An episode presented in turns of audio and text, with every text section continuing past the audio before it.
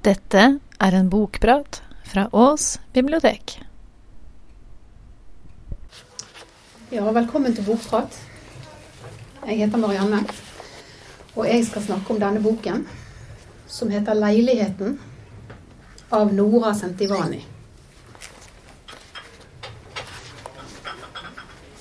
Og det er da jeg sitter med det fotografiet i hånden, at hun forteller om den dagen. En liten bit av den dagen som jeg ikke har hørt. Den biten av dagen som er mormors bit. Hun forteller at hun gikk hjemmefra som vanlig. Hun ga meg en kos og sa ha det til datteren sin. Hun sier at pappa ropte ha det innifra baderommet. De ville at alt skulle være som vanlig. Hun skulle ikke ane noe. Ingenting skulle hun ane. Hun skulle gå på jobben uten å ane. Uten å ane gikk hun på jobben den dagen. Jeg holder fotografi i hånden, og hun forteller om den dagen. Guttene bygger Lego, mannen min leser, og hun forteller. At de sa ha det, sånn hverdagslig som man gjør. Man holder på med morgenrutinene sine. Noen er på badet. Man gir den lille en kos, vinker til henne, og så går man hjemmefra. Da hun kommer hjem fra jobb, er døren låst. Hun sier det var som om hun visste det med en gang hun oppdaget at døren var låst. Selv om det ikke var så merkelig at den var låst. De kunne jo være ute. Det var ikke slik at de alltid var hjemme når hun kom hjem. Mamma kunne være ute på tur med meg. Pappa kunne være på jobb, eller han kunne være på trening. Likevel var det som om det var noe. At hun fikk panikk. At hun løp ut i bakgården for å se om vi var der. Vi er ikke i bakgården, og hun løper inn igjen. Graver etter nøkkel i håndvesken. Hvordan hånden hennes skjelver slik at hun ikke får nøkkel inn i låsen. Hun står utenfor døren med nøkkel i hånden og skjelver og skjelver. Er skrekkslagen, vet ingenting, men vet likevel. Til slutt kommer hun inn og ser alt sammen. Det er rotete i leiligheten. De har hatt så kort tid på å pakke. De har bare hatt tid til å rive med seg det viktigste. En koffert med bleier og babyklær, et klesskift til seg selv. Det er alt de får med seg. De har løpt rundt og revet med seg ting, og det er blitt rotete i leiligheten. De rakk ikke å rydde etter seg. Jeg vet ikke hvorfor de hadde det så travelt. Det var vel ganske enkelt for at båten skulle gå. De skulle reise med båt, en turistbåt på Donau, og de var veldig redde. De kunne ikke tenke klart. Det er rotete i leiligheten, og det ligger noen påbegynte brev fremme. De begynner Mor, ikke let etter oss, vi har reist. Ingenting mer. Hun klarte ikke skrive noe mer. Hun prøvde flere ganger, men det ble ikke mer. Vi har reist, vi lar høre fra oss, ikke let etter oss. Mor, vi reiser, ikke let etter oss. Hun avslutter ingen av dem. Hvorfor skrev hun ikke brevet tidligere? Når hun var alene med meg, når hun hadde tid? Hun var vel redd for at moren hennes skulle finne det. Det sier noe om hvor trangt det var i leiligheten, tenker jeg. At man ikke kunne holde selv et brev hemmelig. Dette her det er Budapest i 1970. Og det her er 14 år siden Sovjetunionen gikk inn i Ungarn etter at den ungarske statsministeren Imre Nagy får tilgi uttalen her, erklærte at Ungarn ville bli nøytralt. Han erklærte òg at landet skulle ut av Warszawapakten. Det var i 1956. Og mange av dere vet hva som skjedde da. Da gikk eh, Sovjet inn med fulle styrker. Og i løpet av den sovjetiske intervensjonen, som det blir kalt, så ble 20 000 mennesker drept. De ble drept på gatene når de sto i kø for å kjøpe brød. De ble drept inni sine egne leiligheter fordi huset ble skutt i stykker rundt dem. Så ble den sovjetlokale Janos Kadar han ble innsatt som ny statsminister. Den forrige ble først satt i fengsel og så senere henrettet. Og under denne nye statsministeren så fortsatte opprenskningene. Og Da var det 21 000 såkalt revolusjonære som ble fengslet. 13 000 ble internert, og 400 ble drept. Og i løpet av denne perioden så flyktet altså 20 000 ungarere ut av landet.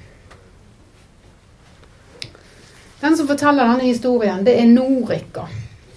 Forfatteren her heter Nora. Og på ungarsk er Norika en sånn kjæleform for Nora. Og vi kan nok tro at denne fortellingen er i stor grad selvbiografisk. Norika hun var ett år i 1970, og foreldrene hennes og hun da var tre av disse 20 000 som flyktet ut av Ungarn. De flyktet til Wien. Vi hørte de tok en båt til Wien på et idrettspass som faren til Nora hadde. Han var idrettsmann og konkurrerte utenlands. Og ved en glipp så hadde altså myndighetene tillatt at han tok med familien på det passet. Det var noe de ellers aldri gjorde, for det var så liten sannsynlighet for at folk kom tilbake da, hvis de hadde familien med. Eh, og derfor så var det de var veldig redde, for de tenkte at det her kan umulig holde, vi kommer aldri om bord på den båten med dette passet. Men det gjorde de. Så de reiste til Wien først og var der en stund, og så reiste de videre derfra til Sverige. Men bestemoren, bestemoren til Norika, hun ble igjen i Budapest.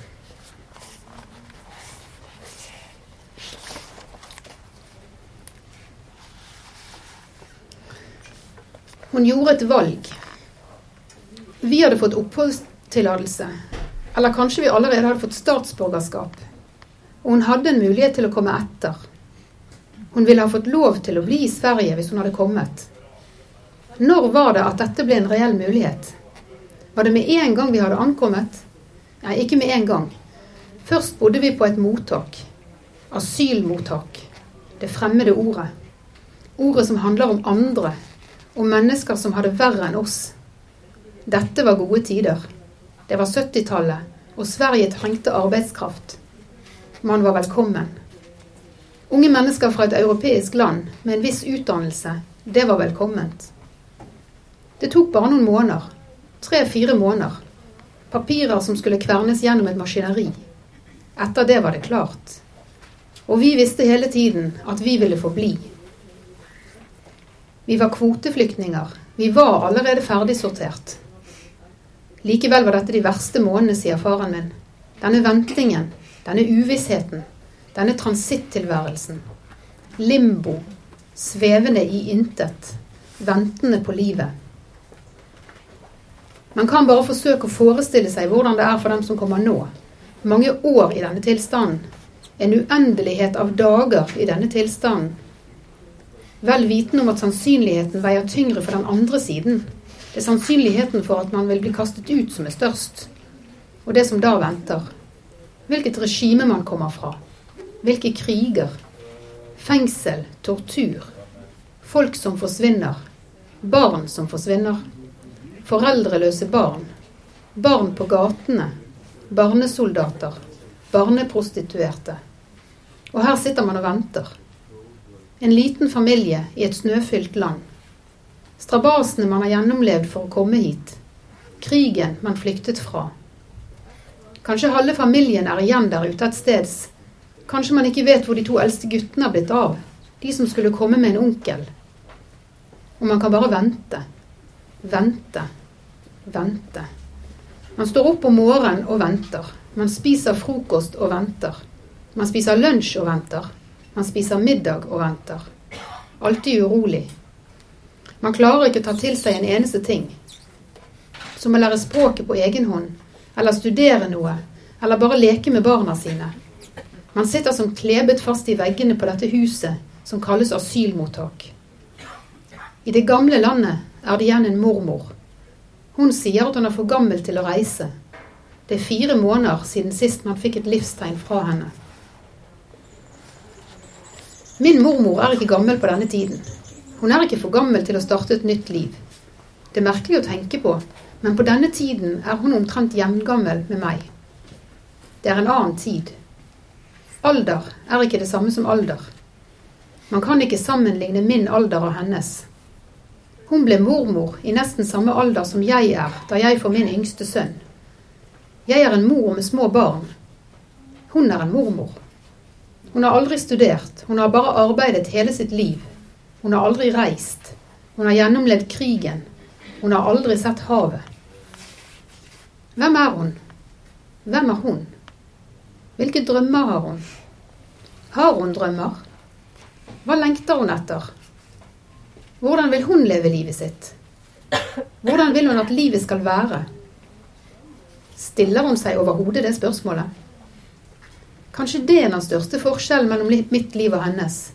At hun ikke engang stiller det spørsmålet. Det spørsmålet kan ikke stilles. Hun lever det livet hun lever. Hun har ikke valgt det. Det er bare blitt slik. Slik har det blitt. I dag skal hun koke aprikossyltetøy. Hun har vondt i en skulder. Å forlate et land er et svært stort skritt. Det er et svært stort skritt. Særlig når man med sikkerhet vet én ting at man aldri vil kunne vende tilbake. Og én ting er å være en liten familie i et kvelende diktatur og bestemme seg for å forlate alt man kjenner til, og begynne fra begynnelsen et helt annet sted hvor som helst, bare et annet sted. Man gjør et valg for livet. Noe helt annet er det å være en enslig kvinne midt i livet, uten utdannelse, Hun kun kan dette ene språket, og ta en slik beslutning. Man kan aldri vende tilbake. Det er en skremmende tanke. Det ville vært en skremmende tanke også for meg, i dag, i mitt liv. Jeg måtte vært desperat for å ta det skrittet. Å vite at jeg aldri vil kunne se landet mitt igjen, stedene jeg kjenner. Jeg kommer ikke til å kunne være den jeg er. Dere sier at jeg vil få det bedre. Men ingen vet hva som er bedre for meg. Det kan ingen annen vite. Jeg vet ikke selv, så hvilken rett har dere til å si at jeg kommer til å få det bedre? Man kan ikke leve i et diktatur. For noen er dette sannest. Man kommer til et punkt. Det er det desperate punktet. Da vet jeg at jeg kan ikke leve her. Jeg må gjøre noe. Jeg må ta et skritt. For andre er det ikke slik. For andre ville det være forferdelig å ta et slikt skritt. Fryktelig, utenkelig, forferdelig skremmende. Men selve sviket påvirker valget etterpå. Hun er den forlatte. Hun er den som er blitt alene. Hvordan man enn snur og vender på det, er det ensomheten som er der. Valget er ensomheten i dette landet, med alt man kjenner, med det språket man behersker, med de vennene man har, de slektningene, kollegene, naboene, bekjente. Eller den fullstendige ensomheten i et annet land, et ukjent land med et ukjent språk og ukjente vaner og måter å omgås på. Kun dere ville jeg hatt. Ensomheten her, i det kjente, eller ensomheten der, i det ukjente, bare avbrutt av samværet med dere. En kald ensomhet nær dere, men også fullstendig avhengig av dere. Eller en varm ensomhet, en trygg, langt borte fra dere, og alltid savnende dere. Hun ble den som ble igjen. Det er det hun har vært siden. Hun som har sin datter ute i vest. Hun som har familien sin der ute. Hun som har barnebarn der ute. Lykkelige mennesker som har barnebarn. Det er vidunderlig med barnebarn. Barnebarna mine er ute i vest. De besøker meg iblant. Jeg besøker dem iblant. Vi møtes naturligvis altfor sjelden. De har det godt der ute. De tenker nok ikke så mye på meg. De ringer iblant. De ber meg komme og besøke dem. De sender penger, sånn at jeg kan komme på besøk. De har det fint. Men det stemmer jo naturligvis ikke at uh, familien i Sverige ikke tenker på hun som ble igjen i Ungarn. Uh, når denne boken begynner, så er Norika sjøl blitt voksen. Hun er blitt mor til to barn. Hun har flyttet fra Sverige til Norge. Hun har bodd i Norge Forfatteren har bodd i Norge siden 1997.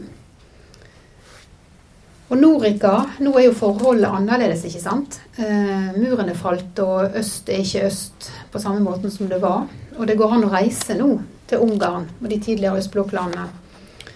Så Norica tar med mann og barn på ferie til Budapest. Og når de er i Budapest, så er det jo en selvfølge at de skal bo hos bestemor. Eh, det er bare at den leiligheten er veldig liten. Eh, vi får en veldig inngående beskrivelse av den leiligheten flere steder i boken. Eh, ting for ting, rom for rom, hvordan den ser ut. Og den er veldig liten. Og gjennom disse besøkene som går over en ganske lang tidsperiode, så ser vi at bestemoren blir stadig eldre og mer skrøpelig. Og disse opphold i leiligheten de føles stadig mer klaustrofobiske for Norika. Og denne følelsen den kommer delvis av at leiligheten fysisk faktisk er for liten for eh, tre voksne og to barn. Men det kommer òg av disse minnene som Norika har fra barndommen.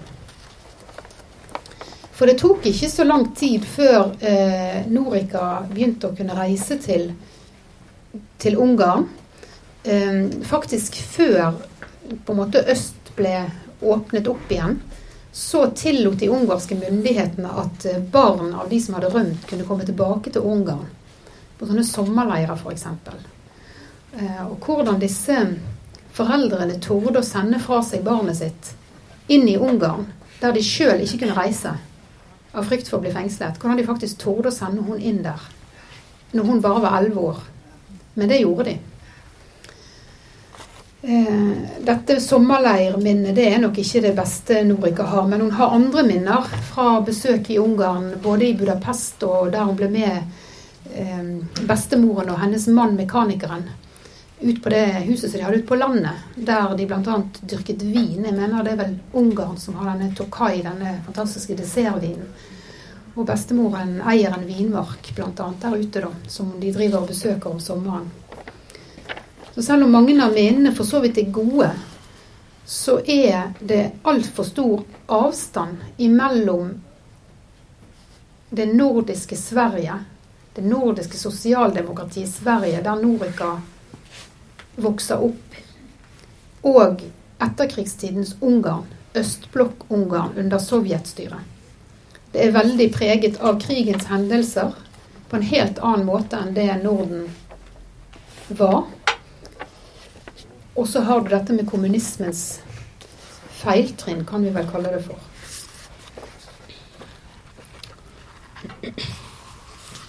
Det er kanskje like greit at jeg sier det med det samme. Jeg liker ikke være her. Jeg liker ikke dette landet. Jeg liker ikke menneskene, det landet har gjort med dem. Det landet har gjort dem til. Og det de har gjort med landet. Kan man si det på den måten? I øst betyr 1968 én en eneste ting. Praha-våren. Det er tolv år etter revolten i Budapest. Det er en ubehagelig likhet i hendelsesforløpet, som slutter på samme måte. De sovjetiske tanksene ruller inn og skyter ned folkets opprør. En flyktig frihetsrus før fengsel, fengselsporten slår igjen. Det er altså noen måneder etter disse hendelsene at foreldrene mine planlegger en flukt. Forteller om det til en håndfull nære venner og blir angitt av en av dem. Noe annet skjer ikke. Det er en advarsel. Vet de hvem det var som anga dem? Jeg er ikke sikker. Langt senere, et halvt liv senere, da min far har begynt å avlegge årlige besøk i landet, og er med på samlinger med de gamle landslagskameratene, er det noen som sier til ham Vi hadde blikket festet på deg i flere år, og akkurat da vi trodde du hadde gitt opp, så stakk du. Du glapp ut mellom hendene på oss. Er det ikke en ubegripelig ting å si? Jeg kan ikke skjønne det. At noen kan si det og si 'jeg var en av overvåkerne'. Jeg var en av dem som hørte til den siden. Jeg var angiver. Du var en av de vi skulle overvåke. Du var en av dem vi rapporterte om. Jeg var en av dem som rapporterte. Nei, jeg kan ikke forstå det. Jeg prøver å forestille meg angiveren, hvordan tenker en angiver? Hva tenkte han da? Og hvordan tenkte han under hele den kommunistiske tiden? Og hvordan tenker han om alt sammen nå, etterpå? Han er like gammel som faren min, muligens noen år eldre. Født rett før krigen, med sine første barndomsår preget av det, og kanskje hans første skoleår sammenfaller med tyskernes inntog i landet etter at Ungarn har forsøkt å, trekke seg ut av krigen. Krigens kaos i Budapest, deporteringene som de alle bevitner. Kanskje familien har jødiske venner som forsvinner. Så begynner den voldsomme bombingen av Budapest under krigens sluttfase, og deretter Den røde armés inntog. Han er sju år da freden kommer, tenker jeg. Ungarn faller under Stalins protektorat etter oppgjøret mellom de allierte. Kommunistene tar over landet. Det finnes de som opponerer, som ikke gir opp uten strid. Stemmer som hever seg. Opposisjonspolitikere. De blir stadig stillere. Enkelte forsvinner. Enkelte anklages for merkelige forbrytelser og havner i fengsel etter skinnrettssaker. Det er en forvirrende tid. Man vet ikke hva som er sant, og hva som er propaganda. Propagandaen er i hvert fall effektiv. Det finnes de som opponerer, og så finnes det de som flykter mens muligheten fins, eller senere, når en ny mulighet oppstår. Og så finnes den tredje kategorien, den aller største. De som tilpasser seg. De som lever med tingenes tilstand. De som holder ut. De som finner en måte å leve med det hele på. Jeg tenker på alle dem som tilpasser seg. De aller fleste gjorde det. De så ingen annen mulighet. De gjorde som de fikk beskjed om. Enkelte slumpet til å bli angivere. Det smøg seg innpå dem, uten at de riktig kunne si når det skjedde. Et spørsmål her, et svar der. Uskyldige opplysninger som ble gitt videre litt tankeløst. En fordel i bytte med noe som ikke virker så alvorlig akkurat da. Plutselig sitter man fast i et virvar av løgner og ubehagelige sannheter. Plutselig er man blitt en av dem som man var så redd for. Det er enklere å være en av dem som folk er redde for, enn bare å være redd. Men så oppdager man at man fortsatt er redd for dem som man var redd for tidligere, selv om man nå er en av dem. Det er alltid noen andre å være redd for. Mistenksomhet. Redsel for å bli fratatt noe som man ikke synes man kan leve uten. Noe som gjør tilværelsen litt mer utholdelig. For ikke å snakke om trusselen mot en selv og mot familien, som aldri blir helt borte en angiver som faller i unåde. Man våger ikke tenke på hvordan det er å være en angiver som faller i unåde. Angiveren er i hvert fall helt sikker på at det er mye verre å være en angiver som faller i unåde, enn å bare bli angitt, f.eks. av ham. Mye verre. Men likevel har jeg vanskelig for å forstå denne angiveren. Han som etter alle disse årene kan sitte ved et restaurantbord sammen med gamle landslagskamerater og si vi hadde blikket festet på deg, men du glapp for oss likevel. Dette vi, denne tilhørigheten til noe som jeg trodde alle hatet og alle skammet seg over. Så det er dette, sant. Det er dette som er Ungarn. Det er dette vi ikke hadde i Norden. Mm, dette som gjennomsyret hele samfunnet, dette med at du ikke visste hvem du kunne stole på og ikke. I en langt større grad. Vi hadde jo selvfølgelig alle krigsland har jo sånne tilfeller, men ikke på den måten. Ikke så satt i system. Eh, pluss at eh, Norika opplever jo f.eks. en gang denne eh, institusjonaliserte uvennligheten som gjennomsyrer alle som har en liten posisjon. Hun opplevde jo f.eks. en gang eh, hun var ute og handlet sammen med bestemoren, så så hun en veldig fin rød jakke som hang i et vindu. Og som et svensk barn ville tenkt at vi går inn i butikken og så prøver vi jakken, og så kan jeg kanskje kjøpe den hvis jeg liker den. Så når de kommer inn, så bare står disse butikkekspeditrisene og måler de opp og ned. Bestemoren var jo ikke noe veldig fin dame. sant? Bare står og måler de opp og ned. Rett nekter å ekspedere de, og bare sender de ut døren. Eh, noe som kommer som et sjokk for Norika, ikke sant? For det er ikke den måten, det er ikke den innstillingen de, hun er vant til å bli møtt med. da. Eh, så Norika hun blir veldig slitt mellom ønsket om å bli bedre kjent med bestemoren og en følelse av avstand som delvis er skapt av en dårlig samvittighet for disse veldig få og korte besøkene. Hun vet jo at hun kunne ha vært der oftere, og hun kunne vært der lenger. Men det er denne motstanden. Hun orker ikke å reise der til. Hun orker ikke være der. Og så er det dette her med at hun vet at under alt dette så ligger dette med etterkrigstidens Både krigens og etterkrigstidens hendelser. Og hun vil egentlig ikke vite mer. Hun vil ikke vite hvem som var på den ene eller den andre siden. Hun vil ikke vite hva de gjorde. Og så er hun veldig klar over at tiden er i ferd med å renne ut.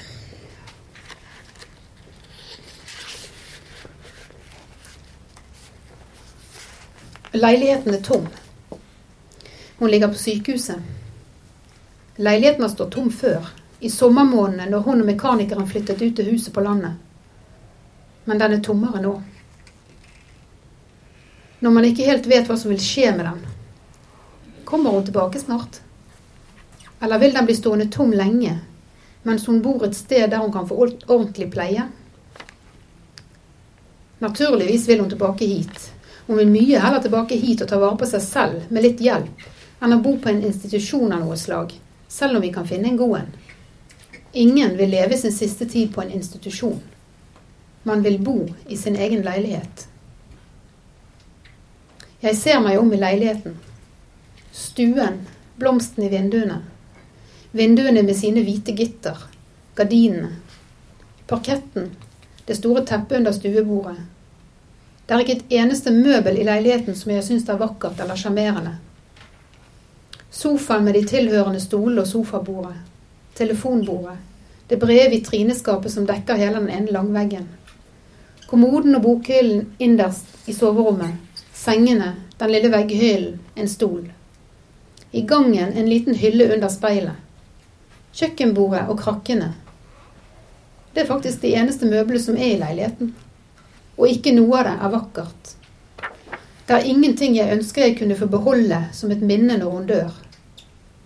Kanskje noe av finporselenet i vitrineskapet. Jeg vet ikke. Jeg husker ikke hvordan det ser ut. Det er ikke viktig for meg. Hva er viktig for meg? Brev, gamle fotografier. Kanskje det finnes en skatt i form av et gammelt, bortglemt kassettbånd. Det kunne jeg ønske meg. Ellers ønsker jeg meg bare slikt som ikke kan bevares. Aprikossyltetøy. Pannekaker. Gamle hender som langsomt vrir om våte laken. Leiligheten er tom. Hun har bodd der i 50 år, like lenge som leiligheten har funnes. Man kan nesten tenke at han savner henne. Sengen som ulike mennesker har sovet i, men mest hun. Sofaen som alle gjestene har sittet i, også vi. Vinduene som hun har sett ut gjennom. Leiligheten er der. Sengene, sofaen, bordet, vitrineskapet, krakkene. Porselenet, tallerkenene, kasserollene, dynene. Klærne hennes. En gammel kvinnes gamle ting. Det meste er helt verdiløst for andre mennesker. Hva skal jeg gjøre uten henne? Hun skal finnes.